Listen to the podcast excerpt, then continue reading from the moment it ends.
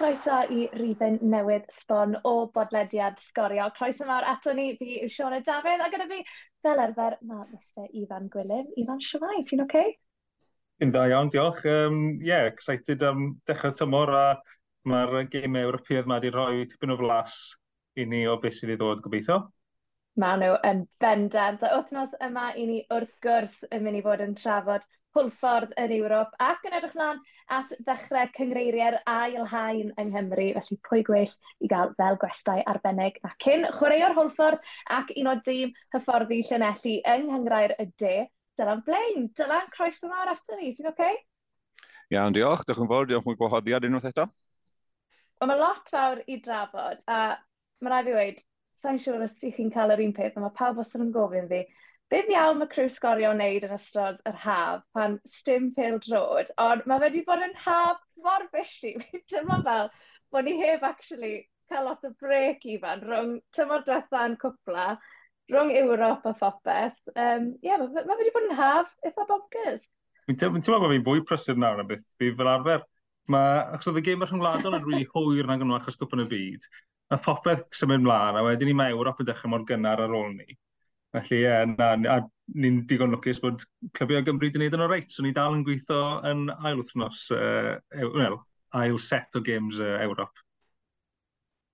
Clybiau Cymru wedi wneud yn oreit, ond mae un enw sy'n sefyll mas dros uh, gemau Ewrop dros yr wythnos diwetha. Felly, i ni, dim ond un lle sydd i ddechrau, a hwnna yn Stadiwm Dinas Cyrdydd, hwlffordd yn middi sgendiau o ogledd Macedonia. Yr unig fuddugoliaeth i un o dîmau Cymru yn Ewrop hyd yn hyn, wrth gwrs mae'r seintiau newydd nawr uh, yng, yng Nghyngres Ewropa hefyd. Cyfartaloddi dros y ddau gymal i Hwlffordd, lle mwy o ddrama ciciau o'r smotyn i dîm Tony Pennock. Ifan, i ddod at y ti gynta, achos o ti yn Stadiwm Dinas Cyrdydd yn gweithio ar y gêm beth oedd hi fel, achos oedd yr ymateb ar gyfryngau cymdeithasol sgorio a hwlffordd hefyd, jyst mor ffantastig, ond beth, oedd e fel i fod yn y stadiwm?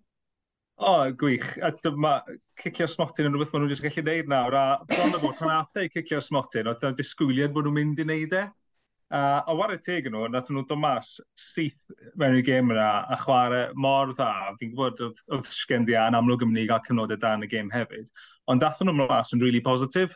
A mae'n lot o cloddi, faint nath nhw mas yna hefyd, di cadw nhw o fewn un gol, dod mewn i'r ail gêm yna, rhoi'r cyfle yna iddyn nhw, ond rhoi'r hyder yna iddyn nhw, fi'n credu, i nhw allu dwy'n y pwynt, wel, dim dwi'n pwyntiau, ond uh, gwthio fe mewn i, i gicio'r smotyn yn diwedd. E, oedd yr holl beth dros y ddau gymal, um, yeah, tipyn o barch iddyn nhw am wneud hynna, achos oedd sgendia yn ôl y sôn yn eitha hyderus yn mynd mewn i'r gêm, gor mm. hyderus, ond nhw'n gweud gyda dim unrhyw fath o fel joc yn eu llyged nhw, oh yeah, we expect to score five or six against you in the first leg, cyn mynd mewn i'r game. So, so o'n nhw'n disgwyl gêm hawdd, dwi'n meddwl, a mi nath Hwlffordd chwarae rhan nhw, mwy na chwarae rhan nhw. Dylan, fe, sori, well, cymryd y pawb yn ymwybodol, wrth gwrs, Hwlffordd i mynd i gicio'r smortyn ddwywedd i gyrraedd Ewrop, Oedd y gêm ail gyfle yn really, really dramatic i dîm Tony Pennec. Ond mae rai fi ofyn ti am Zach Jones yn y gol i Hwlffordd. Eto, just seren y sioe, Dylan. Ie, yeah, mae Dafer nac yn fi'n credu yn yr cicio'r smotyn. Um, A mae eisiau fod yn rhaid gwmpas y hyder i'r tîm yn gwybod a sy'n nhw'n gallu mynd ar gêm i cicio smotyn, bod da nhw golgeidwad fel Zach Jones sydd mor dda yn gallu darllen y chwarae. A siwr o fod Clod hefyd i'r tîm hyfforddi, falle wedi wneud gwaith catre, um, yn sicr nhw wedi o ran yr gemau ail gyfle. Ni'n gwybod uh, na trwy siarad gyda rhai'r hyfforddwyr. a wyn yn gwybod dim drwy beth yn bit i'r tîm oedd yn Europe falle ddim, ond ie, yeah, just mor dda um, bod e gallu uh, arbedio um, mor bryderus unwaith eto, a canlyniad gwych i, i Hwlffordd. A mae fe bron yn teimlo fel bod momentum yn mynd i fod yn rili really bwysig i Hwlffordd. So o ran y rown nesa, maen nhw am warau yn erbyn B36 Torsiafon o nesoedd y Faro, y cymal cynta o ddigartre, ond wedyn maen nhw nôl yn Stadiwm Dinas Cyrdydd ar ddyddiau y drydedd o awst. I fan oedd 1,700 yn watchan y gêm yn erbyn Sgendia, hwl ffordd yn awyddus i giro hwnna yn y gêm nesaf. A pan eisiau fa, mae rhaid i weid, o'n i ar Twitter ar ôl y gêm, ar ôl cicio'r smotyn, a pobl, o'n i ddim yn dynod ymwybodol a diddordeb yn uwch gyngrair Cymru yn siarad am hwlffordd, felly ti'n cael y tymlad, wel, felly nhw'n hawl iawn cael mwy na 2,000 yn stadion Dinas Cyrdydd, ti'n credu yn yr o'n nesaf? Yn sicr, ie. Yeah. Dyna beth ni'n gobeithio gyda pan ni'n moyn y clybiau mae ni'n dda yng, yn Ewrop, ni'n gyd yn cefnogi gilydd, dyna beth ti'n moyn, dyna pam ti angen e, yw achos beth ti'n gobeithio bod yn mynd i helpu codi diddordeb yn y gyngred, a edrych ar pwy sydd gyda nhw nesaf, B36. Sy'n mynd i fod yn, yn anodd, ond gyda... Mae ma fe'n winnable, a gyda chwarae'r ail gymal na getre, fi'n credu bod hwnna'n mynd i siwtio nhw, achos mae cael y hwb na wrth y cefnogwyr, os ydy e'n mynd i amser ychwanegol eto, os yw'n gyfartal, mae chwarae'r amser ychwanegol a'r cicio smotyn yna adre, fi'n credu yn mynd i wneud lot o wahaniaeth hefyd. Fi'n credu byddai cael y, cef y cefnogaeth yna nos iau, fi'n credu wedi helpu, achos oedd y gefnogwyr, tyd, dyn nhw'n llenwi Stadiwm Dinas Gaerdydd, ond mi'n ceri mynd ath e helpu oedd sŵn mawr yna pan sgorodd Lee Jenkins just cyn y 90 i roed i mewn i amser ychwanegol. Ie, fi'n credu welws i un tweet yn uh, gweud bod pawb yn mynd i ymuno ar y bandwagon. Ond mae'n yna lot o le ar y bandwagon, felly croeso mawr. Croeso, mawr i bawb jwmpo ar bandwagon i'w gynglau'r Cymru. Um, ewn ni symud ymlaen yn gloi i sôn am y seintiau newydd, achos nhw yw'r unig dîm arall o Gymru sydd dal yn Ewrop, ond maen nhw nawr yn cwmpo lawr i'r gyngres Ewropa ar ôl colli yn erbyn hecen yng Nghyngrair y pencampwyr. Mae fe gallu bod yn gyfle, Stick with us. Um, Dylan, o disgwyl i gêm ar seintiau yn erbyn hecen fod yn anodd iawn trwy gwrthwynebwyr o'r safon uchaf mas yn Sweden, ond be nes ti o berfformiadau y seintiau newydd a fel i ti'n credu newn nhw nawr yn y rown nesaf? Ie, yeah, oedd e'n diddorol yn ei gweld bod tîm fel y Seintiau sydd yn domineiddio gemau yn reiddiol uh, yn uwch gyngra Cymru a wedyn dod lan yn erbyn tîm o safon mor uchel yn hecen. Oedd yr 20 munud gyntaf yn yr cymal cyntaf o'n i'n meddwl oedd y safon mor dda, wrth uh, hecen, mm. oedd nhw'n symud y bel mor gyflym, a jyst y ffitrwydd o ti'n gweld y cyflymder gyda'r chwaraewyr, cyflymder yn, uh, yn, yn, symud, ond hefyd wrth nhw i gwneud penderfyniadau yn y gêm a pethau oedd yn anodd iawn i seintiau yn hymunedau uh, cychwynnol na allan uh, yn hecen. Ond wnaethon nhw'n dda, ti'n bod nath o sgor o gol gwych yn y, cyma, yn y cymryd gynta. Um, McManus sy'n credu nath sgor o gol yn gor o bennig. Um, ond ie, yeah, mae jyst yn dangos yn pêl dro trwm, sef mae'r safonau yma i gael a ni'n reiddiol yn gweld y seintiau mor um, yn neud mor dda yn wedyn yn dod lan efo'n tîm mor mor dda yn hecyn, ond gobaith nawr bod nhw wrth camu lawr, uh, bod nhw um, yn, yn cadw hyder, mae profiad dan nhw'n Ewrop a, a gobeithio gallen nhw cael y canlyniad yn y, yn y gêm nesaf. Ie, yeah, Swift Hesper o Luxembourg yw gwrthwynebwyr y seintiau newydd. Mae'r cymal cynta heno mae'n fyw ar blatfformau sgorio. Fi ddim yn mynd i fod yn ei pynt Taylor Swift, dwi'n addo chi. Ond Ifan, beth ti'n credu allwn ni ddisgwyl heno? Dwi'n mynd i wneud uh, puns Taylor Swift yn gyhoeddus. Dwi'n mynd i wneud digon o'n yn y swyddfa. Ond oce. um, Mae'n ma anodd gwybod beth i ddysgwyl wrth, wrth Swift, ond tyd, pan campwyr Luxembourg am y tro cynta erioed, a nath nhw ymddiswyddo uh, rheolwr nhw yn syth ar ôl ni, so nhw wedi cael rheolwr uh, mewn o Doodalonge, sef you know, gylunion penna Swift, felly mae ma nhw'n mynd trwy rhyw transition ar hyn o bryd, lot o chwaraewyr wedi newid. Um, felly fi'n gweld e fel, fel cyfle gwirioneddol i'r seintiau, a fel oedd Dylan yn gweud gynnem, dyn nhw ddim yn chwarae fel maen nhw arfer wneud yn erbyn hecyn, achos dyn nhw ddim yn cael y meddiant. Falle welyn nhw'n debycach i fel ni fel arfer yn gweld y seintiau yn erbyn Swift, ond mae'r ma, llwybr sydd gyda nhw nawr wedi agor mas yn eitha neis gyda'r dro sydd wedi digwydd. Da ni'n siarad ar y pod tro diwetha am ti pwysigrwydd ennill y gêm gyntaf na os ti moyn cael cyfle i fynd mewn i'r grŵp y cyngres. Achos nawr, mae'r ma rhaid i'w ennill tair rownd yn olynol, ond mae'r gêmau, dyn nhw ddim yn rhy ffôl, o Swift Hesper Orange, neu Swift Hesper, um, yn, e, yn, yn wythnos yma, mae'r ma, uh, dro ar gyfer y trydydd rownd newydd ddigwydd, um, os nhw'n ennill yn ebyn Swift, maen nhw'n chwarae mynd strwga o Ogledd Macedonia neu Bwtwchnos Podgorica o Montenegro. Felly, cyfle nhw'n gyrraedd y gymau, gyfle fi'n meddwl fan hyn. A wedyn ni, gallu nhw'n beth gallu digwydd. Yn wedig, os ti'n edrych ar pwy sy'n mynd i ddod lawr, tebygol, os nhw'n cyrraedd gemau gyfle, gallen nhw chwarae yn erbyn breidd Blic o Wlad yr Ia, neu falle Claxwick o Ynysodd y Faro. Clybiau na'n mynd i ddod lawr at, at, at fel gwrthwnebwyr yn y rownd ola fyd. So, ie, yeah, mae'n ma, ma agor mas yn eitha neis iddyn nhw ar hyn o bryd. Ti wedi sôn bod y drydydd rawn wedi digwydd hefyd, felly o ran hwlffordd, beth mae llwybr nhw'n edrych ar. Dylan, fi'n dychmygu bod ti ifan, jyst gyda fel wall charts bob man o fel gwahanol gwrthwynebwyr posib hwlffordd ar seintiau newydd. pretty much. Mae'n wrong i fi. na, mae'n just, mae lot o, ie, yeah, na, ti ddim wrong. um, ma, ma, ma, achos llwybr Hwlffordd yn wahanol, achos dyn nhw ddim yn bencampwyr, mae nhw'n cael uh, gwrthwynebyr lot fwy tuff, fi'n credu. Um, so, around, uh, pwy maen nhw'n gall, pwy maen nhw'n mynd i gael, os nhw'n curo B36, yw'n allai Rieca o Croatia, oedd yn curo AC Milan yn group stages yr Europa League, dim o'r bell yn unol neu uh, Dukagini, fi'n credu ti'n gweud, um, y tîm uh, o Kosovo. Um, ond pwy, diddorol gweld pwy arall o'n nhw'n gallu tynnu mas oedd Club Bruges, sef lle mae Nicky Hyen cyn reolwr Hwlffordd wedi mynd. So, bydd hwnna wedi bod yn nice uh, uh, return bach i, i Nicky Hyen nôl i, i Gymru um, i wynebu Hwlffordd, ond dim i fod, Rieca, os, tyd, os ydy Hwlffordd yn ennill, mae Rieca mynd i fod yn dal, dal, dal, dal caled yn, yn dwi ddim yn gorweud o gwbl. Just yn gloi cyn i ni symud mlaen y tro diwetha, uh, Ifan, oedd y ddoi ni'n siarad ar y podlediad yma. O'n i'n sôn am Ben y Bont a Chei Cona a'i gobeithion nhw yn Ewrop.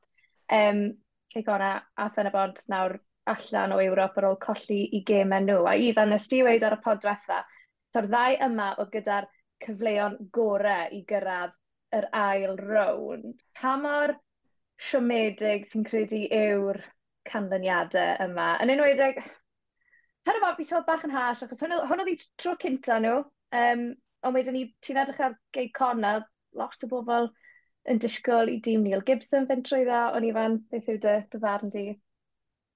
Uh, ti, ti bang on fyna, mi nes i cael yn wrong, a, a, a, a, fi edrych ar pen y bont, fi ddim yn meddwl bod nhw'n gallu bod yn rhy siomedig achos o fewn 90 munud, ond nhw'n ddigiro, achos gath nhw gym gyfartal getre a gym gyfartal oedd i cartre. Fi'n credu bydden nhw'n sicr yn siomedig yn eu hunain, yn gweld bod yna gyfle yna i ennill y gêm. yna ail hanner getre, ond nhw'n wych. A fi'n gwybod oedd Rhys Griffiths yn eitha hyderus yn, yn meddwl bod yna gyfle iddyn nhw oedd i cartre fyd, ond mynd mewn i'r ychwane, amser ychwanegol yna, fi credu oedd e jyst y diffyg profiad yna falle wedi bod yn, yn dal nhw'n ôl. Y ceic honna, hwnna yw'r un fi'n meddwl sydd wedi rili really siom i fi, um, achos oedd y cyfle yna iddyn nhw fynd ymlaen ac o'r eiri ddim yn un o tîm y gorau gwlad yr ia, a mae Cey Conna gyda Neil Gibson a'r chwaraewyr mae wedi arwyddo, mi oedd e yn... Ie, yeah, ceri oedd e'n gyfle da iawn iddyn nhw, ond fel o'n i'n gweud ar y podwetha, oedd e'n hyn y gêm yn defnyddio'r esgus o bod nhw'n chwarae yn erbyn tîm sydd wedi dechrau cyngred nhw'n barod, ond ni'n meddwl teimlo bod y bach yn cael yr esgus mewn yn gynnar, so ni'n moyn gofyn i Dylan fel, fel rheolwr nawr, a fel rhywun sydd actually wedi chwarae mas yn erbyn tîm o wlad yr ia, oeddi hwnna i ti yn, um, yn esgus dilys bod, bod uh, tîm o wlad yr ia wedi dechrau cyngred nhw'n barod, so bod nhw yn, bod nhw yn mynd i fod yn ffefrynnau yn erbyn ceic hwnna? Um, Ie, yeah, ti'n meddwl nôl nawr, pan gweles i'r llun o'r gêm ni allan yn Gwlad Ial, oedd hwnna fi teimlo'n hen, yn meddwl bod na bron 20 mlynedd nôl nawr, ond ie, uh, yeah, ti'n bod ar y tro ni yn ymwybodol bod nethno ni wario yn um, tîm yr enw FA Chaffna Fioda, um, a wni yn ymwybodol bod nhw i, i fewn i tymor nhw, ond bod, na ni wedi bod yn ymarfer, digon o gymau gyfeillgar, a, a fi'n meddwl nawr, dyn nhw'n ma, bod nhw'n ware gemau yn erbyn i gilydd, nath Pen y Bont wario hwlffordd, nath o'n ni digwydd bod wario Pen y Bont ar y disadwn cyn y nhw wario ar, ar y nos iau uh, yn y cymal gyntaf. So mae'n digon o gemau cystadleuol yn mynd mlaen, um, i ddyn oed bod nhw'n gemau gyfeillgar. Um, Fi'n credu bod pobl yn para, gallu paratoi yn, yn digon. So, na'r sefyllfa, felly um, dyw, dyw pethau heb newid os tipyn nawr, felly bysyn ni ddim am weld hwn yn cael defnyddio fel esgus trwy'r amser. O ran chwarae, pan waron ni'r blynydde na, blynydde maith yn ôl, um, o'n ni ddim fel sy'n ni'n teimlo bod lot o wahaniaeth o ran ffitrwydd a bethau, bod, ni, bod nhw wedi dechrau tymor. O'n i sicr ddim yn teimlo na, Nethon ni colli'r gemau, ond ti'n gweld safon dda o ran y, y chwaraewr da'r tîm na fyd. Um, felly, ie, yeah, sa'n gweld bod uh, dylen ni fod yn edrych am, am, am esgus. Ni fel sy'n ni'n dechrau'n gynharach byth o ran y tymor anyway. Ni bron y fod, ti bod ni'n dechrau wrth nesaf o ran gyngrau ni, fi'n bod bod rhywch gyngrau ddim yn dechrau uh, mor sydyn, ond mae tîm oedd yn, yn paratoi falle'n gynt na beth wen nhw fyd um, uh, yn y goffennol.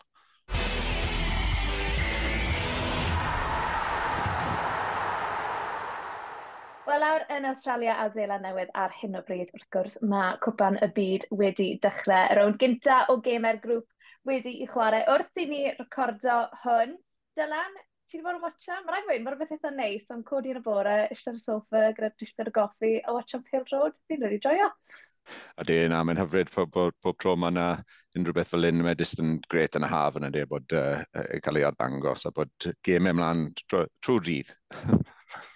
A Ifan, dim Cymru yna yn anffodus, ond bore yma ni'n recordo hwn, uh, pa ddiwrnod i fi, di llun, Ie, uh, yeah, di llun yw i, uh, Cheryl Foster yn dyfarnu Brazil yn erbyn Panama. Ie, yeah, greit gweld ti'n neud e. Mae hi wedi bod yn arwen y gad o ran uh, dyfarnwyr yng Nghymru ers bel, a neis gweld hi'n cael nabyddiaeth ar lefel uchaf, achos mae hwnna'n gêm fawr Brazil mewn copan y byd, ti ddim yn cael lot gwell. Fi'n gwybod oedd e ddim yn gêm, falle, bod y Brazil wedi bod yn, um, wedi cael ei herio lot yn erbyn Panama, ond mae dal yn, dyn mae'r crysau yna'n iconic na gynnu. Um, gynnar yn y bore yw e, fe, so. yeah. Dwi'n mynd un am y rhai tri o gloch y bore, ond mae yna rai gym y da wedi bod. Yr un gorau i fyd yn hyn, nes i dal ail hanner Sweden de Africa. A mm. mi oedd hwnna'n un gystadleuol iawn um, De Africa yn erbyn y disgwyl yn cael y blaen um, ac yn chwarae pildod neis, ond wedyn yes, wedyn yn, wedyn yn ôl.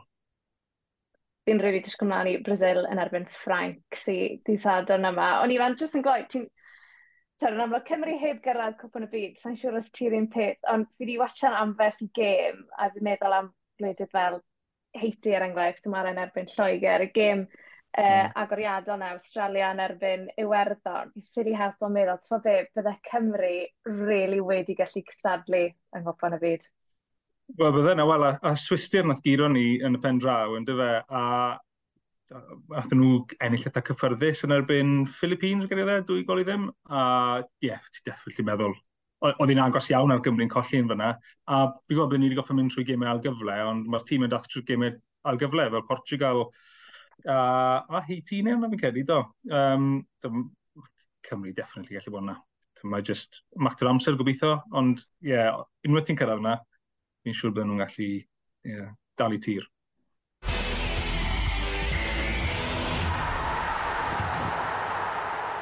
fel i ni wedi sôn, pen wythnos diwetha fe ddechreuodd y tymor newydd gyda rownd gynta Cwpan Gyngrair Nathaniel MG. Ifan, ti'n moyn rhoi round-up cloi ni o beth ddigwyddodd yn y rown gyda?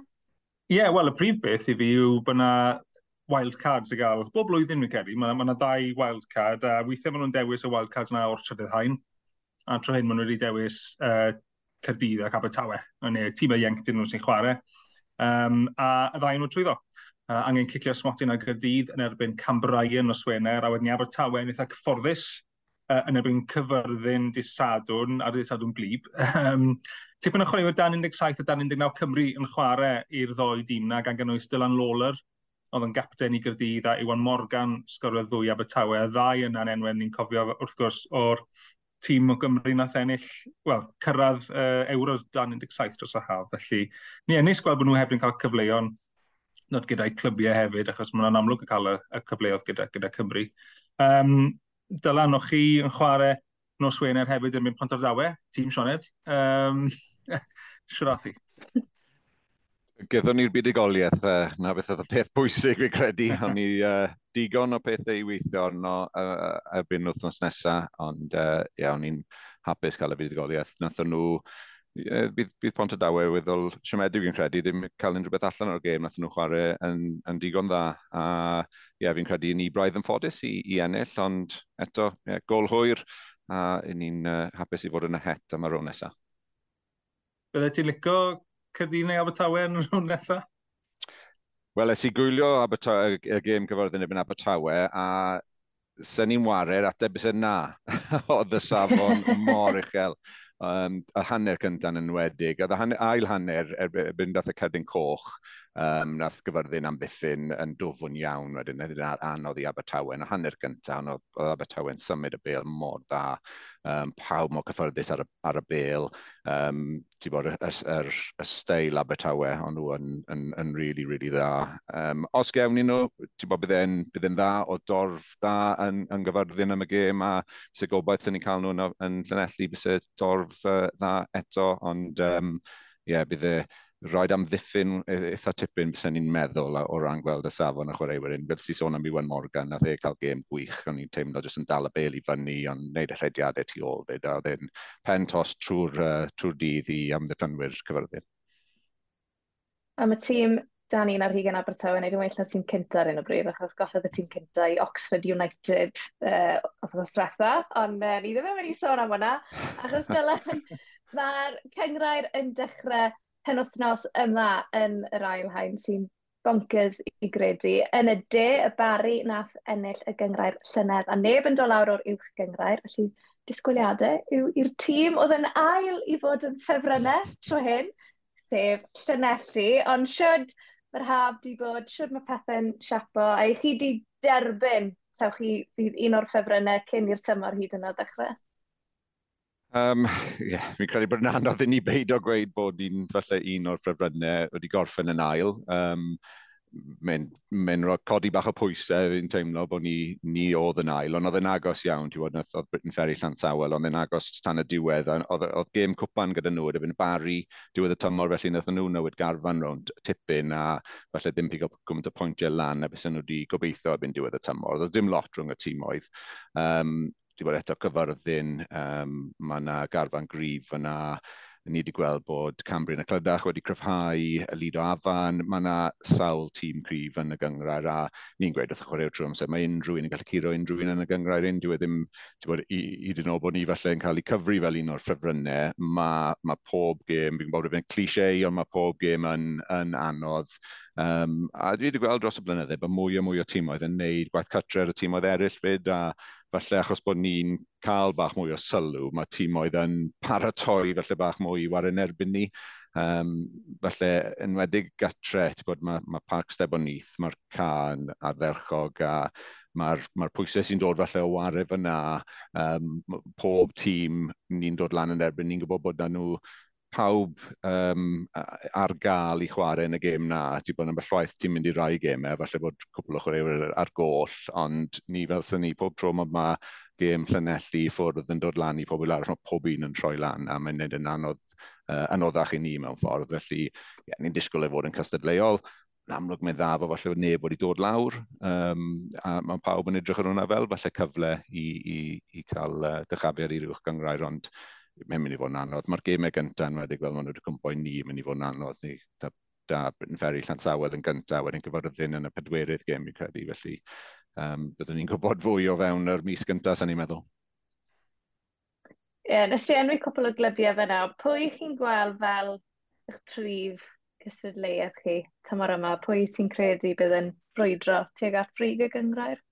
Ie, yeah, dwi'n dwi, dwi meddwl edrych arno fe fod um, Britain Ferry Llanthawel ac Yfyrddin uh, yn, yn, yn, sicr. Maen nhw, o'n nhw'n dda tymor diwetha wedi cryfhau uh, eto gyda rai o'r chwaraewyr sydd wedi, maen nhw wedi dobenna denu dros y haf. Ond fel nes i sôn am Cambryn y Clydach, fi'n credu bod uh, pwy maen nhw wedi arwyddo um, hefyd y gathen nhw canlyniad weddol dda yn erbyn Cydydd, tîm ieuenctid Cydydd uh, yn y gêm gyntaf. Um, Mae'n hyd yn lle anodd i fynd um, ca weddol bach lan fyna, um, ca 3G. Um, felly, fi'n gweld nhw uh, eto yn cystadlu. A Lido Afan, tymod da gyda nhw uh, tymod diwetha, a wedi cadw pob un at y gilydd a Um, ti'n bod, mae lot o cymeriad yn y tîm na, maen nhw'n mynd i fod yn, yn, yn anodd eto. Um, ond mae sawl tîm, um, bod, mae, ma pob gêm yn cystadleuol, na'r peth gyda'r gyngor hyn, mae pob gêm yn cystadleuol, a fe fydd dwi fydd tîm oedd yn, yn, yn drop o pwyntiau yn erbyn sawl tîm uh, na beth rwy'n gweld. Felly, um, efallai bod na y tri tîm a, a pawb yn siarad yn y biti, ond yeah, mae'n mynd i fod yn cystadleuol iawn, sy'n ni'n gweud. A Ifan, o ran cyngrair y dim Aberteileri, Caerau Trylau a Dreigiau Baglan wedi dod lan o'r drydydd hain, ti'n dysgu ymlaen i weld y clybiau yna ar y lefel yna Dreigiau Baglan yn cael dau dyrchafiad yn olynol erbyn hyn? Do, welwn ni uh, Dreigiau Baglan yn cael y, y, y, y dyrchafiad yn y gemau ail gyfle.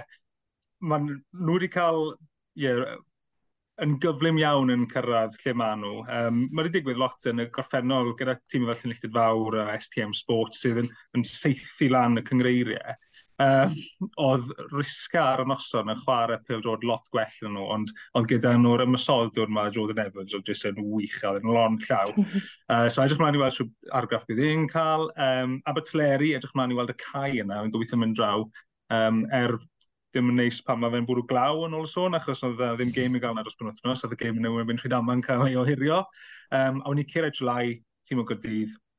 Um, ond rwy'n ffasiomedig uh, trwethau nhw fod yn cyngre'r y de, achos nhw, nath nhw gwmpo just cyn Covid, ond o'n nhw'n llawn chwaraewyr da fel David Lyon, sy'n newydd arwyddo i lanelli Um, fi'n mwyn allu newydd ddwy'n Callum Bittman o Ceirau Trelai hefyd.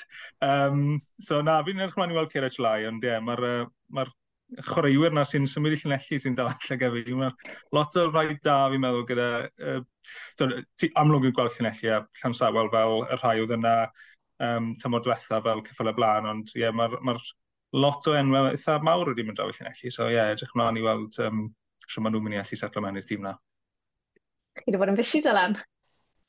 Ie, yeah, tyma bach. A Ifan wedi bod yn fysi wneud gwaith catre, sa'n ni'n meddwl fyd. Na, oedd, ie, yeah, bod, tyma diwetha, o'n i'n amlwg yn weddol hapus gyda fel ni di amddiffyn mewn gemau a dyn ni ddim yn gosod lawer o goliau, ond edrych uh, tu flaen y caf allan ni wedi'n neud dros y haf a ie, yeah, Callum Bateman wedi dod mewn a, a David Lyons nawr a um, uh, Liam Orman hefyd, ni wedi rwyddo uh, Sam Johnson, felly na'r elfen o'r ca um, ni wedi bod yn canolbwyntio dros y haf a um, lan i'r chwaraewyr nawr i cysadlu dros y gemau nesau i weld pwy sy'n mynd i uh, roi'r pel yn y rwyd i ni.